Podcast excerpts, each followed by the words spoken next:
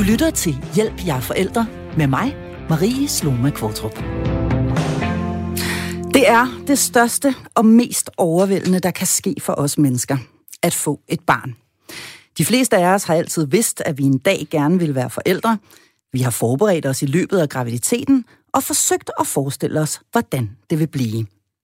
Men sandheden er, at man ikke rigtig kan forberede sig på den allerstørste kærlighed, det enorme ansvar for et lille hjælpeløst individ, og den helt nye rolle som mor eller far, vi nu skal finde ud af at være i.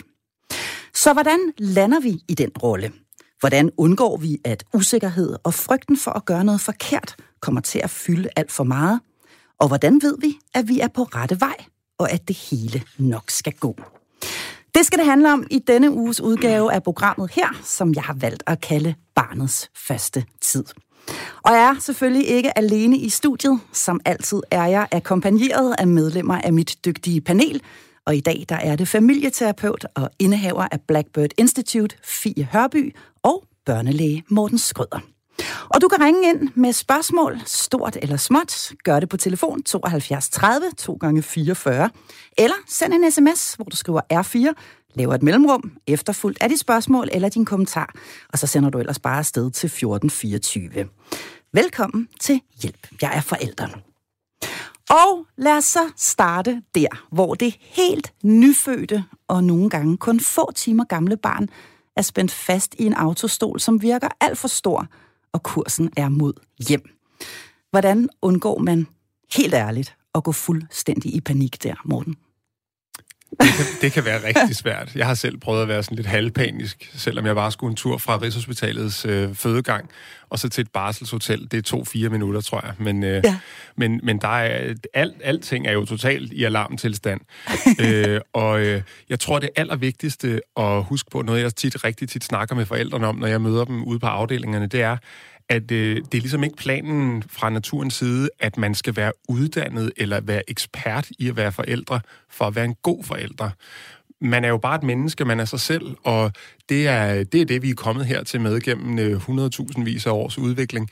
Øh, og det går rigtig fint, og det, øh, og det skal man bare øh, minde sig selv om, at øh, alle de der ting, man tænker, hvorfor har jeg ikke læst de der 48 bøger om kost? Hvorfor har jeg ikke læst noget om søvn? Hvorfor har jeg ikke læst noget om tilknytning og alt muligt? Det, man, alt det, man havde håbet på, man havde læst inden, det finder man ud af alligevel. Det kan man godt finde ud af.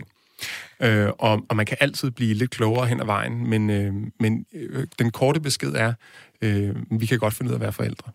Det er, synes jeg er en god måde at åbne på øh, programmet øh, på. Fie, vi skal også lige have øh, sagt uh, goddag og velkommen til dig her.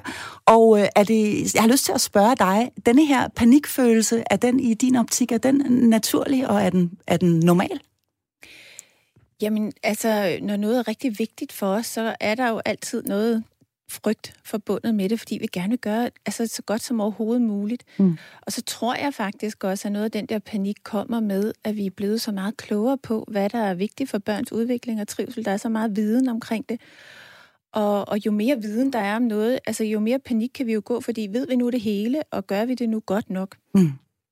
Øhm, så, så det der med, som Morten også er inde på, at fjerne sig noget, altså fra noget af den der ydre, alle de der ydre stemmer, for at finde ind til sin egen. Fordi det, der også er vigtigt at understrege, det er, at vi jo faktisk prædisponeret til at varetage den her opgave. Så vi kan godt fra naturens side? Jamen, hvis vi lytter til os selv og kommer ned i det der rolige gear, som vi nogle gange bliver nødt til at komme ned i, for at kunne mærke os selv, og for at kunne lytte til den der indre stemme, så kommer det faktisk ret naturligt for de aller, aller fleste af os, det her med at varetage og respondere på et barns behov. Godt, det skal vi snakke rigtig meget mere om. Men lad os lige starte, Morten, med at få det sådan helt basale på øh, plads. Mm. Hvad er det allervigtigste? Hvad er de, de vigtigste ting for, øh, for et nyfødt barn? Jamen, det gode er, at øh, der er ikke særlig mange ting, der er vigtige for det nyfødte barn. det, er, øh, det er en ret simpel opgave, og det er egentlig, at barnet skal have mad, mm. og barnet skal have sove, skal have lov at sove, og så skal det selvfølgelig have kontakt med sine mm. forældre. Øh, det er i virkeligheden de tre ting, der skal til. Øh, det kan synes som en ubestigelig og svær opgave. Man kan have et barn, som hylder og skriger uden grund, selvom man øh, prøver at opfylde de ting og synes, det har man klaret. Mm. Men det er egentlig ikke andet, et nyfødt barn har brug for. Så tre ting. Det har brug for at spise, mm. det har brug for at sove, og det har brug for at være sammen med sine forældre. Ja. Og i, i, de første, i de første, den første tid er, ligger det hos rigtig mange par naturligt hos moren, fordi det er hende, der ammer. Mm. Øhm, men det kan lige så vel være faren, hvis det er et flaskebarn, eller hvis der er andre omstændigheder, der gør det ikke. Men bare øh, ma- masser af, nærhed og opmærksomhed. Mm. Det, det kommer helt af sig selv. Og lad os lige øh, blive lidt ved lige præcis det her med at spise, fordi at det her med, at, at et barn jo øh, skal have mad, det, vi, vi har talt om det før også i tidligere programmer, det er helt grundlæggende hos os, at vi skal kunne fodre mm. vores barn for mm. at sikre dets overlevelse. Men det er jo ikke altid bare lige så lige til. Altså man kan blive frygtelig usikker på, hvor ofte skal det spise. Får det nu nok? Er der nok mælk i brysterne? Er der ikke nok mælk i brysterne? Hvor meget skal de så have i en flaske osv.? Kan du ikke lige prøve at øh, fortælle os sådan øh, helt overordnet, hvor ofte skal et nyfødt barn sådan cirka have mad? Hver tredje time. Det var hurtigt. Ja, et, et nyfødt barn skal spise cirka hver tredje time. Og når det er sagt, så er det øh, både med det her og med rigtig mange andre ting, vi kommer til at snakke om i dag, så er der jo en, en helt naturlig spændvide mm. i mange af tingene. Nogle børn, vil, der vil forældrene opleve, de spiser måske hver anden time, nogle spiser først øh, hver fjerde eller femte, nogle kan helt fra de er helt små, måske hvis ikke de bliver vækket til det, øh, ligger og sove seks timer uden at spise. Men, mm. men barnet skal have mad hver tredje time. Det er en rigtig god tommelfingerregel at køre på. Og det er rigtig vigtigt, det vil jeg næsten sige, for det ser jeg meget hyppigere, at man ikke går og overfodrer sit barn hele tiden og tænker, oh, det skal også have mad hele tiden, og jeg må sørge for det for for meget, fordi så, så ender man faktisk tit i den situation, at man overfodrer barnet, så det ikke får ro, så det ikke får lov at sove, så man ikke har måske tid til at, at lege og stimulere barnet, men også sådan, så det måske begynder at gylpe rigtig meget, fordi det bliver overfodret. Så, øh, så de fleste børn er rigtig gode til selv at regulere, hvor meget og hvornår de skal spise, øh, og er der bøvl med det, og det er der jo bare nogle gange, så er der mm. ammevejledere og sundhedsplejersker øh, og måske egen læge, som man kan tage fat i, og der kan man få rigtig god og lynhurtig hjælp. Mm. Og så synes jeg også, der er noget vigtigt i, i det der, du siger der, at, at, at det er jo også vigtigt at kigge på sit barn, fordi at mange af os kan blive enormt urolige, når barnet begynder at græde, og hvis vi mm. ammer eller har flaske, så kan vi være rigtig hurtige til at stikke noget i munden på ja, barnet. Ja, det er præcis. I stedet for at undersøge, at det her en gråd, fordi barnet lige nu har det varmt, eller utilfreds, eller bare lige lå, og, og der skete et eller andet, som, som barnet reagerede på. Så det der med som mor og far at lære tonerne på ja. barnets gråd og kende, kan være en rigtig god idé. Og det kan lyde sådan enormt komplekst, men i det, at vi faktisk er til stede og begynder at lytte og tænke, det der... Altså, det er jo sådan en gensidig proces imellem mm. forældre og børn. Man skal lære hinanden, hinanden at kende. At kende. Ja. Ja. Så at have den der åbenhed, og det har vi faktisk også helt altså biologisk, så åbner vores systemer sig enormt mm. meget, når vi får sådan en lille barn fordi vi faktisk er enormt åbne for at tage det her barn ind. Så det der med at begynde at lytte til tonerne på gråden, for at finde ud af, er det her gråd, eller handler det om noget andet? Og så handler det også rigtig meget om at kunne holde den der gråd ud, men det kommer vi jo tilbage til. Ja, det kommer vi til at tale mere om. I sig selv. Ja. Jeg vil egentlig gerne lige supplere, for jeg glemte at sige noget i starten, mm. øh, med, med det der med, hvordan man undgår at gå i panik. Og noget, der er sindssygt vigtigt at vide, det er, at små børn mm. græder. Ja. Mm. Og det gør de bare også selvom der ikke er en god grund til det, også selvom man har prøvet at opfylde alle deres behov, de græder nogle gange uforklaret, og vi ved ikke hvorfor, og det, og det behøver man ikke være bange for at være panisk over. Der er ikke nogen, der er nogensinde er døde af at græde, heller ikke at græde sig selv i søvn, hvis babyalarmen var gået i stykker, og man ikke har taget dem op fra en lur, eller et eller andet. Så, så det der med ligesom at sige til sig selv, det er ikke fordi, at, øh, at du er en dårlig forælder, hver gang dit barn græder, hver gang dit spædebarn græder, fordi det sker bare hele tiden. Okay, hvor, og man ved simpelthen ikke nødvendigvis, hvorfor. Altså, der behøver ikke at være en forklaring, for det har jeg egentlig altid troet, at, at børn de græder, fordi der er et eller andet galt. Jamen, det er der også, men, men det er jo det der med, at vi kan ikke, øh, vi, vi aner det ikke. Det der lille Nej. menneske kan jo ikke kommunikere det. Nej. Men jeg tror, det er det der med at sige, at, at på en eller anden måde er der en spænding i det der lille system, om det er fordi, det knirker i tarmene, eller mm. det har det for varmt. Det er jo, det er jo barnets sprog på det mm. her tidspunkt. Mm. Og det er jo derfor, vi kan blive så lettet, når de begynder at få et sprog og faktisk kan sige noget, fordi hele det her med en gang, man står jo rigtig tit med en usikkerhed som forældre i forhold til, har han eller hun måtte ondt i maven, Præcis. eller hvad er det? Eller, Præcis. Men, ja. men det her med, som sagt, at lære barnet at kende og være opmærksom på gråden og være undersøgende over for den og kunne være sammen med barnet i gråden, mm. gør faktisk, at vi kan blive meget klogere på det. Så hvad er, øh, hvad vil jeres råd være, når nu det her øh, øh barn, det bare øh, græder og græder og græder, og man ligesom forsøger at, at, at, at, at bruge udelukkelsesmetoden. Øh, du er ikke sulten. Du har fået en ren blæ. Du har sovet. Vi har været ude og gå tur. Du er velstimuleret og velpasset, og du græder stadigvæk. Hvad, hvad pokker stiller man op som forælder? Du siger, at man skal lære at være i det. Hvordan, hvordan Jamen, lærer man det?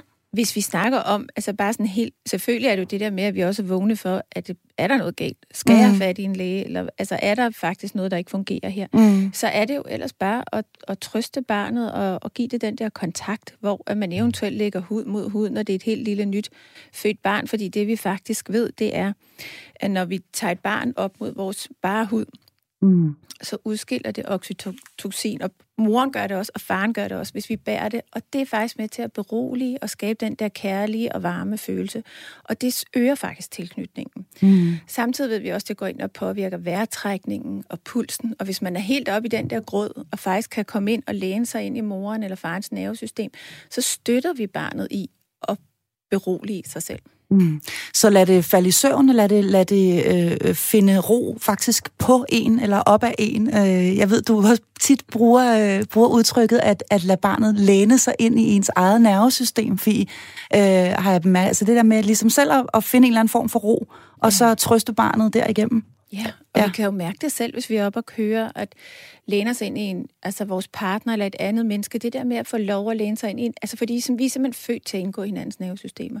Så det der med at få lov til at, at læne sig ind i en og få et kram, når vi selv, vores eget nervesystem er oppe og køre, mm. det er jo enormt beroligende og betryggende. Ja.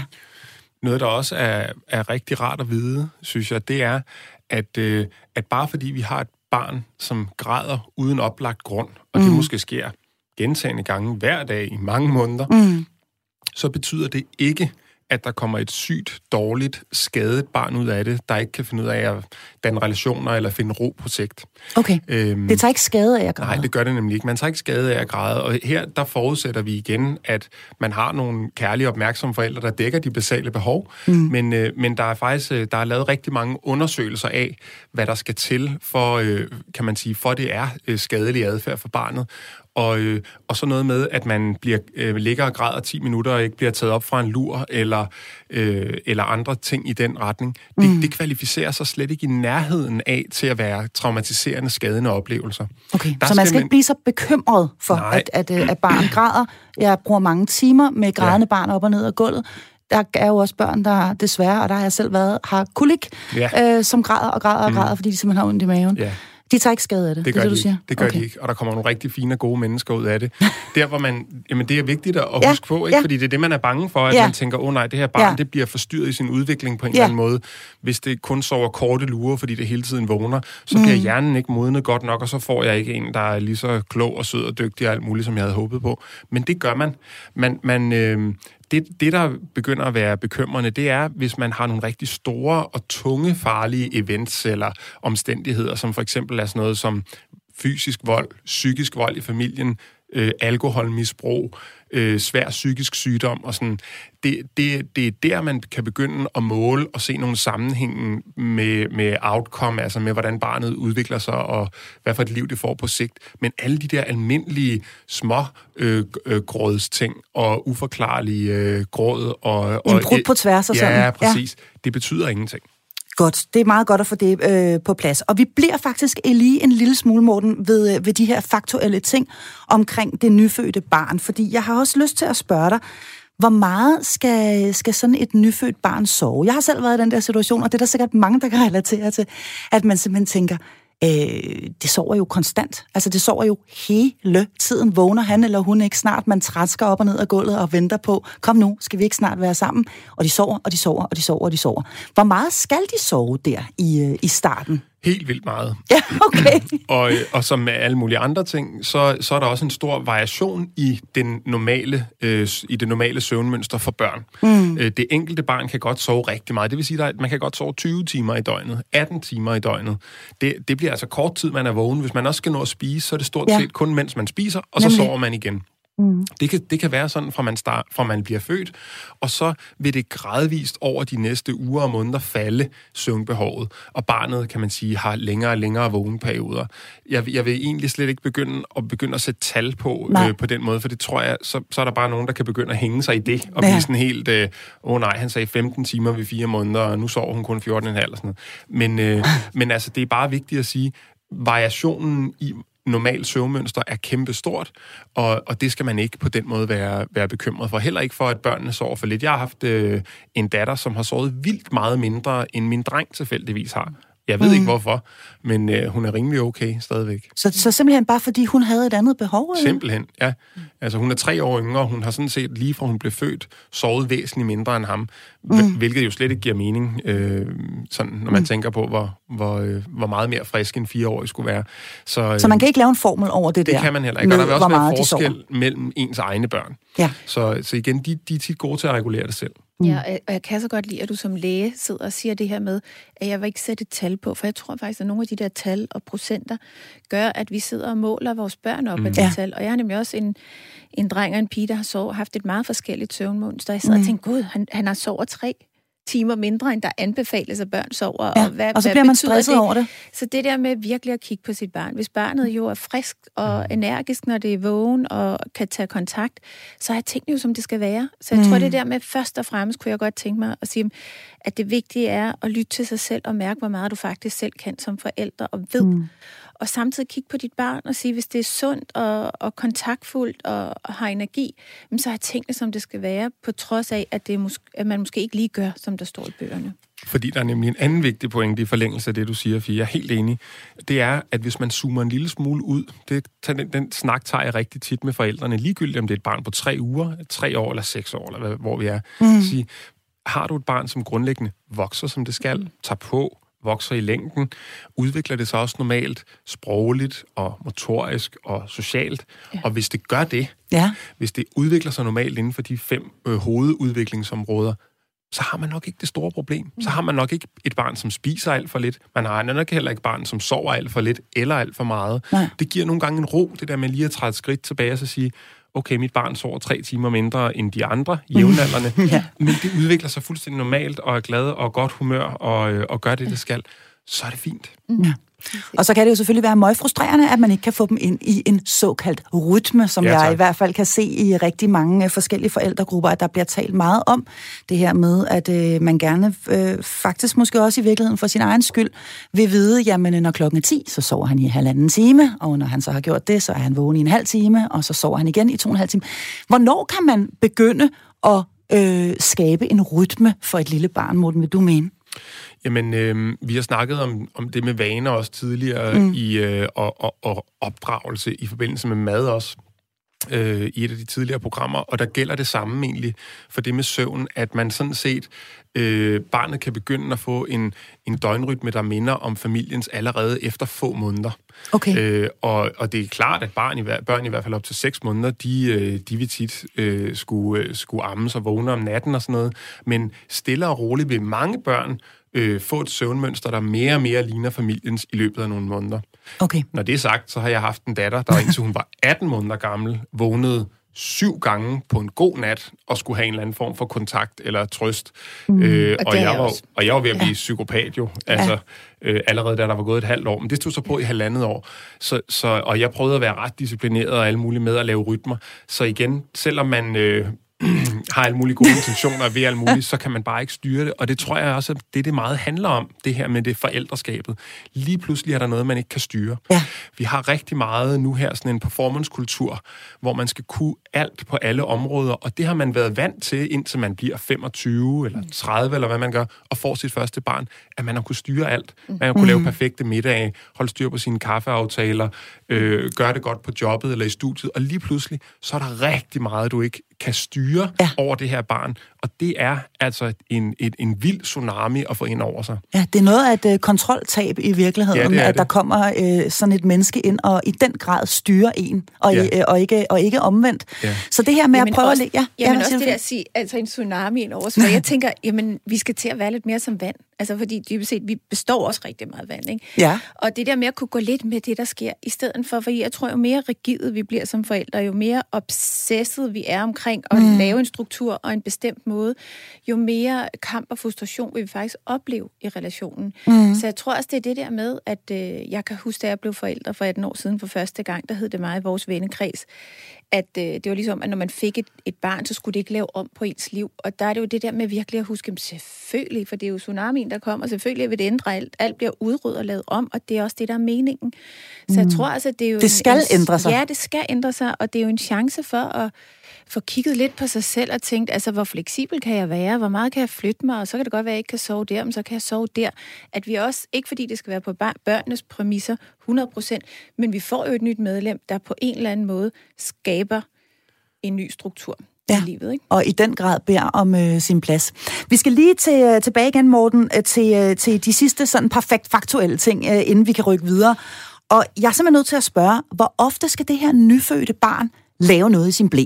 Fordi, øh, ja, men nu bliver, det nemlig, nu bliver det nemlig meget lavpraktisk. Ja, det er dejligt. Ja, og i starten, der er der jo det der med det der helt sorte noget, der kommer ud, og man tænker, det, det ser spøjst ud. Øh, så kan det nogle gange ligne en græsplæne dernede. Ja. Og så har jeg set nu her øh, ved nogle af de nyankomne babyer i min familie, at der også findes øh, små sådan nogle aggregater, hvorved man kan måle, er det pH-værdien, eller hvad er det, man måler i afføring. Så står de her nybagte forældre og stikker en lille dims ned i baby-lorten, for at sige det lige ud, og måler, om alt nu er, som det skal være. Hvor meget skal man gå op i det her? Hvad fanden sker Det er vanvittigt. Det skal smides ud. Ja. Det skal bare knækkes, og så skal det smides ud Det i findes. skraldespanden. Det findes. Det, det er bare øh, spild af penge. Okay, men hvor meget skal man gå op i indholdet i de her blæer, Morten? Jeg er nødt til at spørge dig. Det vil jeg rigtig gerne. Det snakker jeg om næsten hver dag, når jeg Godt. snakker med, med, med småbørnsforældre. Ja. Øh, og igen er der kæmpe stor variation fra barn til barn. Ja. Så med Nu snakker vi om lort. Ja, med det nyfødte barn og lort. Ja. Nu kommer det. Godt. Der er, øh, der er en god tommelfingerregel, som er, at det kan være normalt at have syv lorteblæer om dagen, eller hver syvende dag. Okay. Fedt. Hver der? syvende Kan I, dag. se, kan I se et dejligt stort mm. spænd, man har arbejdet i der? Ikke? Jo. Det er kæmpe, der er kæmpe stor forskel på, hvor ofte små børn har afføring. Øh, børn, der får modermælkserstatning, de vil typisk have en fastere, hårdere lort, Ja. og øh, vil øh, sjældnere komme af med den. Så Ja. der kan godt nogle gange være øh, adskillige dage, før at det barn kommer af med afføringen. Det kan nogle gange være en god idé at give lidt laktulose for at hjælpe det på vej. Det er en anden, det er en anden historie. Ja. Men der vil være rigtig mange børn, som også har afføring, ja, syv gange om dagen. Mm. Og hvis der er så en forælder, der siger, jamen mit har ni gange om dagen, så siger jeg, jamen fint, dit barn har det godt, mm. og, og alting er fint, og det vokser, som det skal, og mm. det ser godt ud. Så, så det, er bare, øhm, det er bare helt okay. Det, der er så interessant at være opmærksom på, det er, hvis der er noget, der lige pludselig ændrer sig, både måske i barnets afføringshyppighed, mm. øh, også måske i den måde, det ser ud på, og især hvis der er andre tilstødende symptomer. Ikke? Hvis man Ja. lige pludselig har en fornemmelse af, nu spiser barnet dårligere, nu virker det til at have ondt og være måske forkvalmet, det kan være, det mm. gylper mere, øh, og afføringen er lige pludselig mere sur. Ikke målt med et pH-måler, men bare den fornemmelse, man har, når man Ja. skifter. Ikke? Ja. øh, så, så er det måske noget, man skal være opmærksom på. Og så er det første, man skal tænke, okay, mit barn har nok fået en, noget af det allermest almindelige, der findes en mavevirus, Ja. og lad os se, hvordan det øh, står, står på om en lille uge igen, Ja. om det ikke bedrer sig eller normaliserer sig stille og roligt. Okay. Så, så igen, Der er et virkelig stort spænd. Der er et virkelig stort spænd. Fik vi lige slået fast Ja, her. og igen ja. har man grundlæggende et barn, som ikke virker til at have mange smerter, udvikler sig normalt og er glad og spiser, så skal man være fløjtende ligeglad med, hvor hyppigt det, øh, det ellers øh, laver lort i blæ. Okay, og man behøver heller ikke at gå så farligt meget op i, at farven den ændrer sig, og så Nej, videre, vil og den gøre. struktur og så videre, Den fordi vil det ser jo fra- nogle gange lidt spøjst ud, det Den der vil kommer være ud. fra lysegul til mørkegrøn, og så kan den lige pludselig være lidt brunlig, og som du siger, lige de første øh, døgn, når barnet kommer ud, så, så, så kommer der det, der hedder mekonium eller barnebej ud, som er sådan noget helt klistret sort tjære, øh, hvor mange får et chok Ja. og tænker, hvad Ja. sker der her? Ikke? Lige præcis. Det er, det er det, der er i tarmen, når barnet er inde i maven. Det skal lige ud først, og så begynder der at komme sådan noget tynd remouladefarvet afføring. Ja, og det kan have mange øh, interessante udformninger. Godt, så skal jeg lige høre børnelægen her. Jerndråber og D-vitamin, er det noget, vi skal øh, tvinge øh, i børnene af begge dele? Er det, er, det, er, det, er det goes eller no-goes? Hvordan forholder det sig med det nu? Hvad anbefaler sundhedsmyndighederne? Sundhedsstyrelsen anbefaler nu, at alle børn skal have D-vitamin op til toårsalderen, og jerndråberne, de er øh, kvittet. De er, dem anbefaler man ikke mere. Jeg tror, Gud det er lov det er en, det. Ja, det er en, øh, en 5-6 år siden, mit første barn fik det. Mm. Men, øh, men det anbefaler man ikke mere til i øvrigt normale, sunde, raske børn. Hvis man så er født for tidligt, og man fejler noget, så kan det være, at man skal.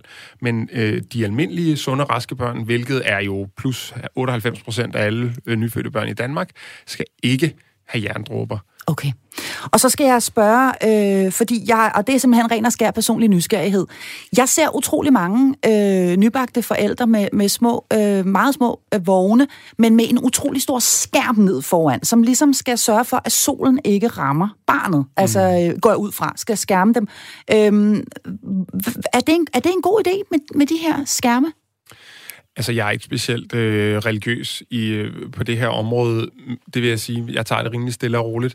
Det, der gælder selvfølgelig de anbefalinger, som i øvrigt gælder for, for alle andre mennesker, at man ikke skal have meget øh, skarp, langvarig øh, mm. soleksponering på huden, især mm. ikke mellem 11 og 15 Nej. i sommerhalvåret. Men øh, derudover, så er der ikke nogen grund til, at et barn, heller ikke et nyfødt barn, skal skærmes særligt for solen. Nej. Det vil jo typisk, typisk ligge rigtig afskærmet i en helt almindelig barnevogn, øh, hvor okay. der jo kun er et lille bitte kikhul ind. Har man lyst til at, at sætte en skærm op, skærm op, fordi der er skarp sol en dag, så er det super fint. Men man behøver ikke være bange for, at det der sol i ansigtet, som, øh, som, som kommer, når man er ude og gå en tur, at det er farligt for barnet. Nej, men det er lige præcis det. Så man behøver ikke at være skrækslagen for sol i hovedet øh, på barnet. Er der ellers Øh, er der ellers ting, man, eller, eller er der overhovedet nogle ting, som man decideret bør undgå øh, der i den første fase, hvor man har et spædbarn? Er det farligt med gennemtræk, for eksempel, tobaksrøg? Er der et eller andet, hvor man skal sige, det er en god idé at skærme øh, barnet fra? Altså nu siger du tobaksrøg, mm. det, det skal ingen børn udsættes for.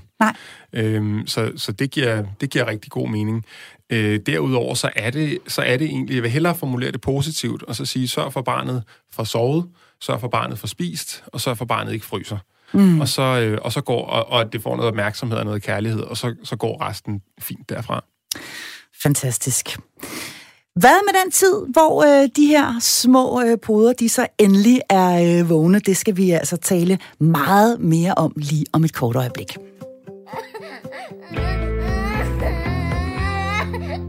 Ja, for vi taler om barnets første tid i dag her i Hjælp, jeg er forældre, og jeg har to medlemmer af mit kompetente panel med mig, nemlig børnelæge Morten Skrøder og familieterapeut Fie Hørby. Vi har lige været igennem sådan det allermest basale, når vi taler praktik omkring et spædbarn. Og øh, jeg vil skynde mig at sige, at du er meget velkommen til at ringe ind til programmet her. Du kan ringe på telefon 72 30 2 gange 44 eller du kan sende en sms, hvor du skriver R4, laver et mellemrum, efterfulgt af dit spørgsmål eller din kommentar, og sender til 1424. Og nu skal det så handle om den tidlige tilknytning, som vi jo ved er ret altafgørende for et barn. Og Fie, allerførst, hvad øh, dækker en god tilknytning egentlig over? Hvad betyder det? Jamen, jeg tror bare lige til en start, at det er så vigtigt, at det der med at give sit barn en god tilknytning, at det er vi simpelthen disponeret til at gøre, sådan helt biologisk. Det ligger i os at tage hånd om vores børn og drage omsorg for hinanden. Mm. Så det er så vigtigt at vide, at alt det, vi snakker om nu, det gør de allerfleste forældre faktisk helt naturligt. Mm. mm. Og, øh, og det, der ligger i en tryg tilknytning, det er, at vi, øh, at vi selvfølgelig først og fremmest elsker barnet. At vi øh, har lyst til at tage os af det. Ja. Og, øh, og at vi er optaget af at opfylde de helt basale behov, som Morten har været inde på. Og så noget af det, øh, som, som vi jo ved også er en, er en rigtig vigtig byggesten og en bærebølge for barnet frem i dets øh, personlige udvikling, mm. det er den der kontakt, det er det samspil, vi får bygget op med barnet. Så hvordan jeg møder barnet, bliver til sådan nogle indre hvad man kalder det arbejdsmodeller inden for tilknytningsteorien. Det der med, det bliver sådan nogle repræsentationer af, hvordan jeg ser mig selv, og hvordan jeg ser omverdenen. Så hvis jeg bliver mødt af nogle forældre, er sådan helt stabilt, og som elsker mig, og mm. som øh, skaber tryghed omkring mig, og som er til at regne med, så får jeg sådan et billede af omverdenen af, at, øh, at den er et tryg og et godt sted. Og jeg er også et godt menneske, mm. siden at jeg bliver mødt på den her måde. Og også omvendt. Så hvis vi er ude i det der, hvor at barnet bliver omsorgsvigtet, eller får lov at ligge og græde, længe alene, at vi ikke responderer på behovene, at vi ikke har lyst til at lege med det og kalde det frem, fordi børn skal kaldes frem. Mm. Det er, at, at den der tilknytning og tilblivelsen af personligheden, den, er, altså den foregår i et samspil mellem biologi og det relationelle samspil. Ikke? Så derfor bliver det så vigtigt, at vi kalder de her børn frem, at vi tager øjenkontakt, at vi kigger på dem, og at vi øh, leger med dem, og at vi i det hele taget responderer på dem. Mm. Så, så det er en, en øh, vigtig del af deres udvikling, og det har vi jo ikke altid troet. Og det er derfor, jeg også synes, det bliver vigtigt at snakke om, fordi engang så troede vi jo netop bare, at sådan, det var ro, renlighed og regelmæssighed. Og så ja. var det jo, at vi, og vi har jo vidst det her faktisk siden 50'erne, men det er understøttet af, af hjerneforskningen siden 90'erne. Ikke? Det her med, at vi ved, at øh, det her med at have kontakt er lige så vigtigt som mad og søvn og renlighed for den sags skyld, hvis det overhovedet er vigtigt. Altså et eller andet omfang er det jo. Ja. Altså, en det der med, at børn døde, når de ikke fik kontakten. Ikke? At man så blandt andet der i kølvandet på 2. verdenskrig, hvordan man så, at på grund af alle de opbrud, der havde været, og de her børnehjem med børn, der lå, at børn døde, når de ikke fik den her kontakt. Så det her med, at vi bare ved, at det er så vigtigt med kontakten, og samtidig så er det vigtigt at vide, at den kontakt tager vi faktisk helt naturligt som forældre. Mm. Men hvis man lægger dem på et børnehjem, så er det jo ikke sikkert, at der var, at det var der jo ikke. Der var ikke mulighed for voksne Nej. i det omfang, og så var det, at børnene døde, og så opdagede vi at blive opmærksom på, hvor vigtig den her del er. Og bare lige for at supplere ja. og illustrere, kan man sige, din hovedpointe med, at det her det er noget, vi kan som mennesker, uden at, at skulle have, kan man sige, kurser i det, at have læst bøger eller noget som helst. Øh, det, det er et ret øh, spændende øh, studie, som er lavet, øh, eller som, ja, som kommer fra et børnehjem. Jeg tror, det var i Rumænien. Ja, men, ja i 80'erne. Men, ja, med ja. nogle meget, meget øh, omsorgssvigtede børn. Ja. Hvor man så, at, øh, at de børn, som lå tættest på døren, mm. de klarede sig væsentligt, væsentligt bedre, fordi det var der, der var ind- og udgang, hvor de måske lige var dem, der fik et smil eller et kig. Ja. Øh, eller et lille klap på håret. Eller et eller, lille klap ja. på håret. Og dem nede i bunden af rummet, hvor der kun kom nogen ned, når der blev, hvad ved jeg, stillet en skål mad, eller hvad det var, øh, udvikle sig øh, markant anderledes. Mm, ja. så, det, så det er bare for at sige, at altså, der skal rigtig, rigtig meget til, for at øh, det bliver til deciderede tilknytningsforstyrrelser. Okay. Når det så er sagt, så ved vi godt, som du også siger, Fie, at de første to år er sindssygt vigtige for øh, barnets evne til at socialisere, øh, og jo, det er jo en tilknytning er jo en del af det, og også i forhold til, hvor udviklet de bliver på andre områder, altså kognitivt, og, ja. øh, og også øh, i virkeligheden lidt motorisk. Øh, så, så det er rigtig vigtigt med, mm. med, med kærlighed og opmærksomhed, mm. men igen, det er altså det, der ligger naturligt til os som mennesker. Mm. Ja, og så er det jo også det her med, at, at nervesystemet og dermed altså hjernen er jo plastisk, så det er jo, der, der er bare et åbent vindue i de der første to år, hvor noget grundlæggende omkring vores personlighed virkelig bliver lagt mm. og bliver det, vi sådan navigerer efter resten af livet i forhold til, hvordan indgår jeg i relationer. Men, men det her med plasticiteten, den bliver jo ved med at være den, altså i, i en grad, så vi stadig kan arbejde med den måde, vi indgår i relationer. Og det har jo du selv gjort. Altså, jeg har været ufattelig meget i terapi mm. for netop at arbejde med mit tilknytningsmønster, for at kunne være mere fleksibel i mine relationer og opnå nogle relationer, hvor jeg fik en nære og bedre og mere vital kontakt, end jeg var i stand til at skabe. Mm. Men på det sådan helt øh, lavpraktiske, basale plan, når man kommer hjem med det her lille nyfødte barn, hvad er det så for nogle øh, situationer med det her lille barn, hvor man kan opnå denne her øh, kontakt for eksempel? Bare lige for at bringe det helt ned på et, et lavpraktisk plan. Det er selvfølgelig armesituation, flaskesituation, men hvad ellers?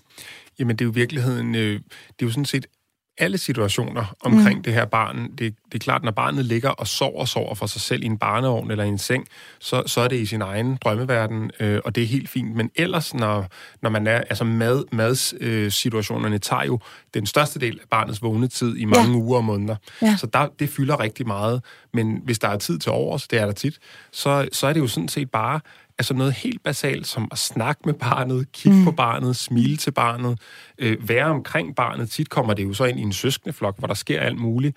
Øh, så det kan også være, at barnet så får lov at ligge på et tæppe, mens nogle andre børn leger omkring det, så det kan begynde at observere. Det, det er i virkeligheden alt det, man naturligt ville gøre, fordi man skal også huske på, øh, sådan rent øh, historisk, hvis vi tænker rigtig lang tid tilbage, så, så har det simpelthen sådan udviklingsmæssigt jo, i forhold til overlevelse, så har det ikke været tiltænkt, at far og mor skulle have 100% opmærksomhed på barnet hele tiden, Nej. og så vil de dø alle ja, sammen. Ja. Øh, så, så barnet er jo med i familielivet. Det er ikke fordi, at alt skal sættes på pause, med, heller ikke når man får sit første barn, og at alt skal have med barnet at gøre. Barnet må rigtig gerne være med i livet, og derudover så er det bare vildt naturligt for os alle sammen at kigge på, smile til, snakke med det her barn, når det kommer ud og det er det, man skal gøre. Ja. Det er ikke rocket science. Så man må gerne lægge barnet øh, lidt fra sig også ind imellem, øh, hører jeg dig sige. Det er helt okay at lægge, at lægge lille, lille Bob der, eller hvem det nu er, over i, øh, i, i vuggen, og bare lægge, øh, lade barnet ligge for sig selv og, og, øh, og kigge og, øh, og sondere terrænet. Øh, jeg det tror, skal man ikke have dårligt som huske, at nej for pokker, fordi det er jo, hvis du tænker på os selv, at det er jo, vi kan jo heller ikke holde ud at være i kontakt hele tiden. Nej. Og noget af det, der faktisk er sket ved, at folk er blevet så opmærksom på, at vi skal have øjenkontakt med den her lille baby, vi skal kigge på det, det er faktisk, at så overser vi, at barnet bliver mæt af kontakt. Og det, der sker, når et lille spædbarn er mæt af kontakt, det er, at det vender ansigtet. Ja, mm. kigger og hvis, væk. Og ja. så har jeg set forældre stå sådan, kom, kom, de kalder det ind igen. Og, og det er faktisk ikke at respondere på barnets behov, fordi det er det der med at se, nu vender barnet mm. ansigtet væk. Det betyder, at jeg er mæt. Det kan også betyde mæt, jeg vil ikke have mere bryst. Og så kan vi også være parat til sådan at stikke brystet ind i munden på baby igen. Mm. Så det handler faktisk om den der fintuning, ja. som vi som sagt har. Men fordi vi kan have en viden om, nu skal jeg virkelig kigge det her barn i hovedet, og det skal have hud mod hud, og hvad vi ellers har læst, så kan det faktisk forstyrre den der naturlige øh, tilgang, vi faktisk har til at respondere på barnets øh, afvisning af os. Ja, så, så det der med, at man i virkeligheden bliver for ivrig og for ihærdig på sin egen indsats, og glemmer at, at, at læse øh, barnets signaler, vender barnet hovedet væk fra bryst, så betyder det nej tak til mere mad, så skal man ikke øh, jagte, øh, jagte barnet rundt. Det har jeg ellers, der, der har jeg selv været. Det er måske ikke, øh, ikke en af mine allerstolteste øjeblikke. Et lille barn, som, øh, som skriger meget, og som skriger længe. Vi var jo inde på det lige før, øh, Morten, og, og, og det kan jo være forfærdeligt frustrerende. Mm. Og det kan jo altså også gøre på et eller andet tidspunkt, at man faktisk ikke synes, at man har de der golden moments, ret mange af dem i hvert fald, øh, hvor at barnet er vågen, og man hygger sig og pluder og kigger hinanden ind i øjnene, og det er helt kærligt. Man kan, man kan komme ind, der har jeg i hvert fald selv været med, med min datter, der havde kolik. Man kan simpelthen komme ind i sådan en, en, en, en dårlig stime, hvor det ligesom bare er, øh, ja, hvor det bliver overlevelse mm. øh, på en eller anden måde. Øh, hvordan, øh, hvordan håndterer man det som forældre, og er, er, det, øh, er det overhovedet muligt at, at lære at være i det? det, er, det er rigtig svære situationer, som, mm. som øh, fremkalder de dybeste frustrationer mm. hos forældrene. Jeg har rigtig tit med de her børn at gøre, fordi der meget relevant, på et tidspunkt kommer en tanke om, det her barn er sygt. Selvfølgelig, ja. øh, Og fejler noget, så kommer de ind hos os, så vi kigger på det, og igen ser på det her vokserbarn, som det skal, er der rimelig normal afføring. Alle de der ting, mm. vi snakkede om før. Hvis vi ser et ellers fint barn, og, og vi så ender med øh, sammen med forældrene ligesom at sige, det her det er kolik, som i øvrigt er sådan, hvad skal man kalde, øh, en slags skraldespandsdiagnose. Altså ikke, ikke, at man fejler noget, men bare sådan en udelukkelse af alle de alvorlige ting. Så har vi bare et barn, der græder. Det mm. kender man fra hele verden, så det er almindeligt ja. menneskeligt, ret almindeligt, og det er hårdt at gå igennem. Men ja. den gode nyhed er, det stopper. ja. Ligesom med dårlige søvnmønstre hos små børn, det stopper, og de kommer til at sove bedre. Og jeg ved godt, det er en ringe trøst, når man har et barn på tre måneder. Det er og så er der nogen... rart at vide. Ja, det er ja, rart at vide. Ja, ja. Men, øh, men hvis, hvis vi har et barn på ja, en måned eller sådan noget, der skriger hele ja. tiden, og vi siger, jamen det, det bliver bedre formentlig i løbet af en to-tre måneder. Ja. Det virker jo som, som to-tre år, ikke, ja. at man skal igennem. Men, ja. Og er det hårdt? Ja, det er det helt Det er klart. frygteligt. Ja, det, ja, er, det rigtig, er frygteligt. Det er rigtig ja. hårdt. Og man føler sig som en, en fiasko, som øh, far og mor og alt muligt. Men igen, det er ikke noget, der skader barnene børnene på den, på den lange bane, og der vil også være rigtig mange gode øh, solstråleøjeblikke øh, midt i det der, selvom det kan være en svær tid. Ja. Godt, men øh, det lille, helt lille barn, og nu synes jeg faktisk lige, vi skal faktisk lige have et barn, der græder her.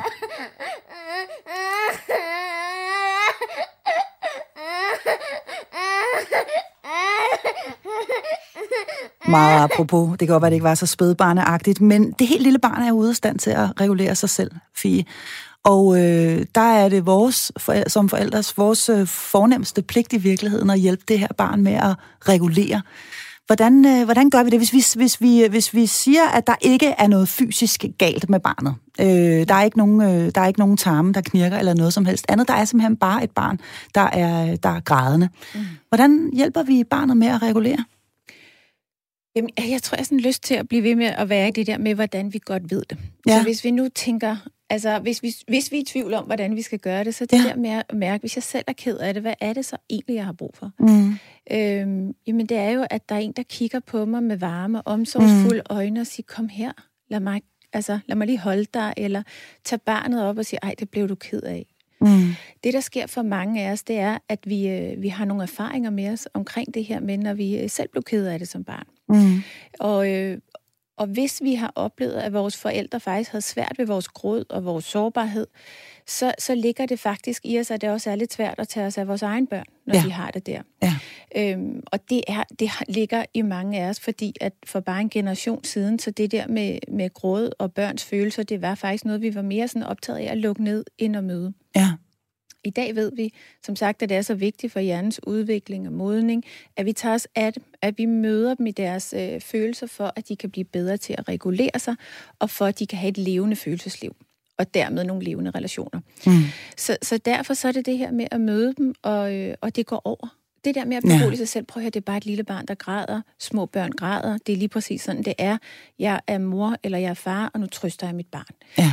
Og så kan vi mærke panikken inde i os selv. Og så er det det der med at gøre den rolig, så netop tale til os selv og berolige os selv og vide, at Mm. vores nervesystem er det, barnet lægger sig ind i. Ja. Så hvis vores nervesystem Kører op. så kører barnets med op. Så, så derfor så giver det rigtig god mening, at når barnet begynder at græde, og vi kan mærke, at det også aktiverer os, Mm. at vi så også lige beroliger os selv ja. og lægger en hånd på vores bryst, eller stryger vores arme, eller hvad pokker der virker, tager nogle dybe vejrtrækninger. Ja, eller måske i virkeligheden beder om hjælp, fordi hvis man er rigtig slidt, Ja. og man har et barn, der græder rigtig meget, jeg har selv været der, som sagt, mm. jamen så kan det jo være nødvendigt en gang imellem at sige, hey, nu øh, har jeg simpelthen brug for, at der kommer en anden, og tager grædende barn, går op og ned ad gulvet med grædende barn, og så må jeg lige øh, gå en tur, eller lægge mig ud i et kappad, eller et eller andet andet, simpelthen for at forsøge at nulstille det her helt flossede øh, nervesystem, fordi du har virkelig ret i, at det er svært at trøste, når man selv går og græder. Ja, præcis. Øhm. Øhm. Og det der også er, at, øh, at på en eller anden måde, så synes jeg, at familielivet øh, har lukket sig så meget om sig selv på den måde, at vi klarer mange ting selv, i stedet Mhm. for faktisk at få bedt om hjælp.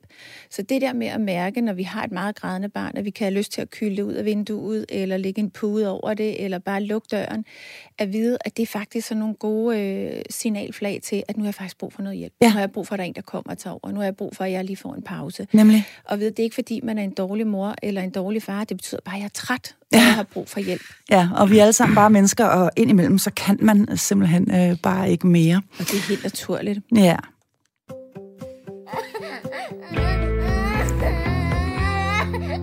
Ja, vi er altså i gang med programmet Barnets Første Tid, og vi har talt om de øh, basale fysiske ting omkring et nyfødt barn, og også en øh, hel del om den tilknytning mellem forældre og barn, som er så vigtig.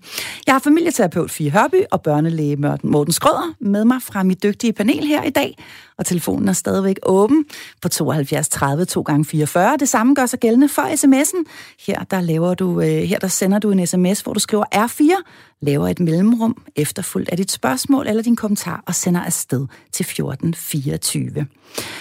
Jeg har selv fire børn, og øh, jeg indrømmer, at jeg faktisk ikke er blevet mindre bange for, at der skal ske noget af at få flere.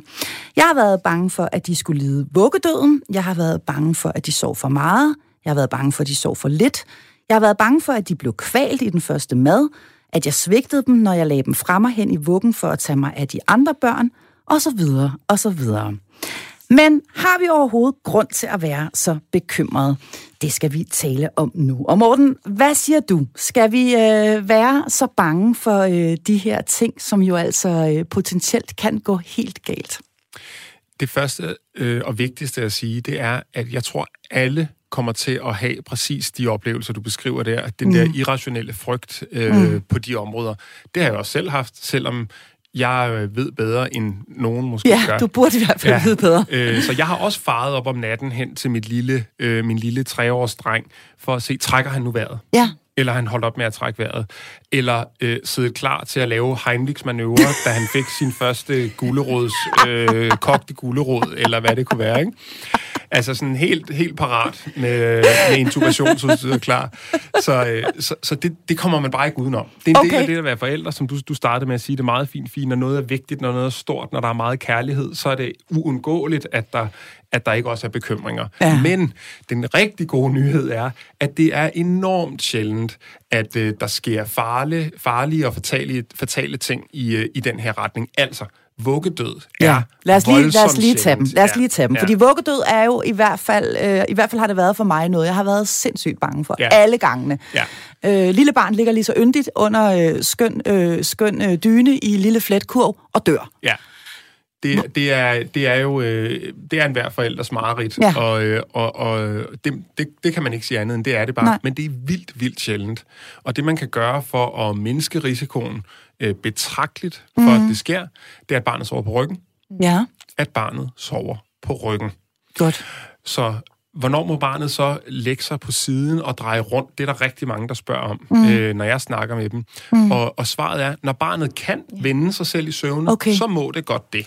Ja. Så et barn, der har lært at rulle om på siden, det behøver man ikke gå tilbage og rulle om, fordi man ved også godt, når man så selv lægger sig ned og sover, så går der sådan et sted mellem 1 og 4 sekunder, så har det rullet tilbage igen. Mm. Det er okay. Men små børn, spædbørn, skal lægges til at sove på ryggen.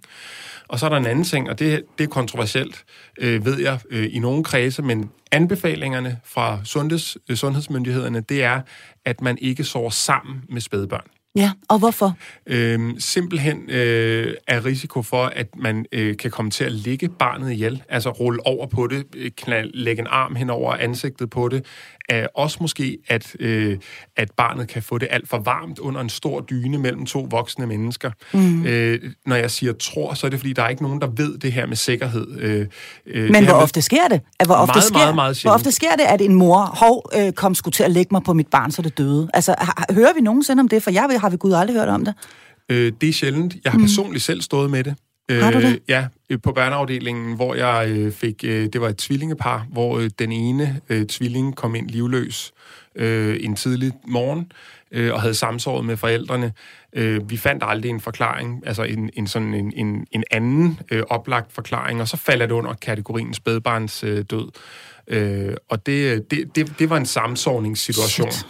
Øh, Okay. Men det er rigtig sjældent. Mm. Og ude i verden, i den store verden, hvor der bor milliarder af mennesker, der er, der, der er samsordning meget mere udbredt, end det mm. er i Danmark. Mm. Øh, så det, ja, jeg startede også med at sige, jeg ved Det godt, det er kontroversielt. for Ja. mange, og der, ja. der er mange øh, sådan, hvad skal vi sige... øh, Holdninger til med, det her. Ja, Ja. ja, og mange der med jordforbindelser og sådan noget, som synes, at det er det eneste rigtige. Mm. Øh, men nu fortæller jeg bare, hvad anbefalingerne er, fordi man har set en, en, en sammenhæng med det i meget, meget store, øh, i, på meget store tal. Ja, Så og jeg tror, vi skal lave et helt program om øh, samsovning, fordi det er helt sikkert noget, der kan få sindene i Ja, kog sikkert. øh, rundt Ja. omkring. Godt, så det, det var øh, vuggedød. Så er der en anden ting, jeg rigtig godt kunne tænke mig at spørge mig. Du sidder selv klar med og klar til at lave Heim, Heimrich-manøvren der. Ja. Kvælning. Ja. Det er de fleste forældre bange for. Hvor, Mm. hvor, hvor, øh, hvor ofte eller hvor sjældent sker det med, med helt små børn? Øhm, det er meget, meget, meget sjældent, at de får noget mad galt i halsen, så de dør af det. Mm. Meget sjældent, altså på niveau med, med spædbarns øh, død, dødelighed i, mm. i sengen. Ikke? Øh, men det er uhyre almindeligt og normalt, at små børn, der lærer at spise, de får noget galt i halsen hele tiden. Og det er de gearet rigtig godt til at klare selv Ja. ved at hoste og hoste og Ja. hoste. Ja. Ikke? Og det er frygteligt at sidde og, der og der er kun af. én vej frem, når man skal lære at spise. Det er faktisk svært. Altså, det er en voldsomt kompliceret øh, muskel- og nervesammenkøring, øh, sammenkøring, der gør, at vi kan synke noget mad. Og det tager noget tid for barnet at lære det. Og der fejler man undervejs, som med alt andet, man skal lære. Det betyder, at man får det galt i halsen og hoster. Ja. Og, øh, og det, det går altså rigtig godt for de her børn. De hoster det op, og de klarer det. øh, Ja. og, og jeg har også Men selv det er været- ikke sjovt. det, nej, det er ikke sjovt, og det er nervepirrende at kigge på. Ja. Ikke? Og, øh, og bare lige en kort note. Det, man skal gøre, det er, at øh, så lang tid barnet kan hoste selv, det vil altså sige, at der er hostelyd, Ja. så skal man ikke begynde at trykke på barnet eller slå på barnet, eller tage barnet op. Så skal man opfordre barnet til at blive ved med at hoste, men holde hænderne i lommen. Okay, Det er ikke kun- røre ved det i Ikke røre ved barnet. Det er kun, hvis barnet øh, ikke længere kan lave hostelyde, og der begynder at komme sådan nogle mere sådan nogle paniske, kvælningsagtige lyde, der måske kunne lyde sådan noget som... Ja. Hvor længe Ja. har man der? Ja, Ja, ja. der har man stadigvæk noget tid. Så skal man, så skal man øh, Nu skal man gøre noget. Ja, så skal man gøre noget. Og hvad kan skal man gøre? Der skal man øh, lave det, der hedder Heimlichs manøvre. Det Ja. er en af dem, det er, hvor man tager øh, rundt om barnets mave, lige der, hvor solar plexus er, hvor, rib, hvor ribbenskanten er, står bag ved barnet, og så trykker man ind og op, sådan så man så at sige vil tømme lungerne for luft. Og man skal bare hive til. og okay. man skal trykke til. Godt. Så en lille hyggeklem, det hjælper ikke noget. Man skal Nej. virkelig give et, give et tryk. Det, der trykker man, øh, eller trækker fem gange, og hvis maden er kommet op, så er det godt. Hvis ikke, så slår man øh, mellem skulderbladene med håndroden af sin hånd, og der giver man ikke sådan nogle hyggeklap, der giver man den også ordentlig gas og virkelig slår igennem. Slår til, ja. Støder, støder igennem mellem skulderbladene. Og det fortsætter man med, indtil det her mad kommer op, øh, og så skal der være en anden, der ringer 112 imens. Det er en god idé Nu- at nu ringe bliver det ret 112. dramatisk, Ja. Nej, nej, nej, nej, nej, Men, men, Ej, men jeg, jamen, jeg synes, du har jo sagt det, og jeg, det, jeg synes, der er så vigtigt, det er jo det der med at huske, hvor robuste vores børn er, hvor Ja. meget de er klaret. De er Mm. jo simpelthen øh, designet til at skulle have mad ned gennem systemet, mm. og selvfølgelig skal de lige vende sig til det, og det er der nogle reaktioner på. Mm. Og jeg tror faktisk, at hvis vi kan mærke, at vi går rundt som forældre og har en høj bekymring i forhold til det ene og det andet og det tredje, så er det bedste, vi kan gøre for vores barn faktisk at arbejde med den bekymring, frem for at lægge den ind i barnet omkring, at vi sidder der og er ret skrækslagende hele tiden i forhold til de nye ting, som barnet skal lære. Ikke? Ja, Jeg kendte engang en, øh, et, et øh, forældrepar, og som øh, øh, havde en regel omkring deres børn, der var, at når de var alene hjemme, så måtte de kun spise banan. Øh, og her taler vi altså om, det var børn i skolealderen. De var simpelthen så skrækslagende for, at de gik hjem og låste sig ind, tog en rugbrødsmad blev kvalt og døde. Så, øh, så, så her kan man måske sige et, et, et, et meget godt eksempel på nogle forældre, der var øh, regulært overbekymrede over noget, som faktisk sker. Ja. Uhyre sjældent, Morten. Det er helt vildt sjældent. Ja. Ikke? Altså, børn, de, øh, de klarer det selv, og Ja. de bliver ikke kvalt i deres mad. Nej. Det, det er det, der er det, det helt, øh, den helt vigtige, det vigtige hovedbudskab at komme med. Ikke? Og når forældrene så sidder og kigger på mig meget intenst og siger, men han var lige ved Ja. at få det helt galt i halsen, Ja. så siger jeg bare, men han gjorde det jo ikke. Nej. Han fik det jo op igen. Han sidder jo her nu og leger med Lego-klodser. Han har det fint. Godt, så er, der, øh, så er der den her, og vi har talt om den før, vi skal lige rundt omkring den en gang til, Morten, fordi noget af det, som vi jo også ofte er bange for, det er, at vores børn, de simpelthen dør af sult. At de, øh, at de regulært ikke får næring nok, at de får det forkerte mad, og så videre, og så videre, og så videre. Hvor mange børn dør af sult øh, eller fejlernæring i Danmark om året? Ingen. Ja. Godt. Jamen, så fik vi lige aflevet den. Og lad os så lige tage den, som jeg også nævnte selv for lidt siden, nemlig den, der hedder, jeg er forfærdelig øh, bekymret, fordi jeg tager mig af de andre børn, øh, og lille Bob, han får lov til at ligge og, øh, og, og dimse øh, for sig selv. Hvor er det her, øh, er det her i kategorien øh, øh, omsorgssvigt, altså når man er nødt til at lade nogle børn passe sig selv for at tage sig af andre? På ingen måde. Det er Nej. det. Selvfølgelig er det ikke det. Øh, man skal huske på, som vi også snakkede om før, mange børn bliver jo født ind i en familie, hvor der er andre børn, og det er en gave, og det giver jo endnu, endnu mere mulighed for social interaktion og træning i relationsdannelse og alt muligt. Og far og mor kan jo bare ikke se på alle fire eller Nej, seks børn på det én gang. ikke, nej. Så selvfølgelig er det helt okay. Og evolutionært udviklingsmæssigt, der har det jo igen også været sådan, at det har ikke været meningen, at vi skulle sidde og kigge på vores børn hele tiden. De skal være med i livet. Børnene det skal være også med i vores liv. hårdt at være forældre Ja, på det den måde. Hvis vi jo. synes, vi skal være over dem hele tiden, så kan mm. vi i hvert fald kun rumme at få et, hvis vi overhovedet kan rumme at få nogen. Mm. Så det er så vigtigt at vide det der med, at barnet er både følsomt, det vil sige, at det, det er enormt påvirket af den måde, vi interagerer med det på, mm. og samtidig så er det robust og kan klare utrolig meget. Og jeg synes, en anden vigtig ting, det er også, at vi skal jo også lære barnet at øh, kunne tage initiativ selv, mm. og kunne række ud efter kontakt, og lære at være selvstændige, fordi vi kommer jo ikke til at være der altid. Nej, det er i hvert fald svært, Vel? hvis man får sat sig selv i en situation, hvor man skal underholde Ja. øh, 24-7 og, og, og spille på skære og lege med sit barn hele. Ja. hele, hele tiden. Øh, især når man har flere, som har forskellige, øh, forskellige behov. Ja. Og så er det altså meget smart, at de kan, kan, kan lege selv, for eksempel. Ikke? Ja, og vi har øh, hjemme, hjemme hos os, der har vi endda nogle gange haft sådan nogle... Øh, nu skal du lege med dig selv træning, fordi vi simpelthen jo på en eller anden måde har haft den der kroniske dårlige samvittighed, og vi har været væk på arbejde hele dagen, og vi har næsten ikke set dem, men nu har vi kun to timer sammen, før de skal i søvn, eller skal i seng. Ja. så der ligesom har været sådan en overopmærksomhed. Og så har vi taget nogle af de dage, hvor vi for eksempel i weekender, og sagt sådan, det, det er også rigtig vigtigt, at vi bare kan være sammen som familie, hvor vi ikke skal have al vores opmærksomhed rettet mod det her barn. Mm. Og der går jo ikke særlig lang tid fra barnet, øh, vores, vores børn sådan hænger og plager lidt, til at så finder de på noget, der er tusind gange sjovere, end jeg kunne have fundet på. Mm. Ja, Og det skal man også det skal man ikke plads have, til. have dårlig samvittighed over. Godt. At øh, få et barn er en overvældende oplevelse hver gang. Det er en stor opgave at tage sig af et barn, men vi skal huske på, at vi ikke er de første i verdenshistorien, der har gjort det. At vi som udgangspunkt er lavet til jobbet, og at langt de fleste af os hvis vi ellers tør læne os en lille smule tilbage og lytte til vores intuition, godt kan. Vi skal heller ikke være så bange.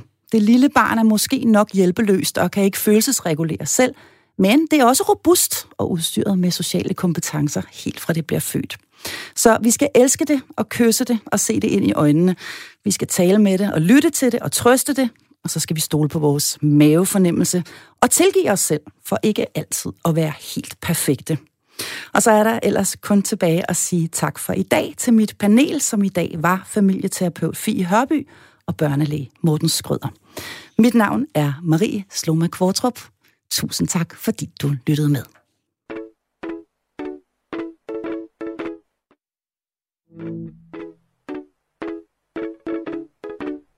Nu tændes der stjerner på himmelen blå Halvmånen løfter sin sabel Jeg våger, at ikke de stemme mus skal liste sig op i din snabel. Så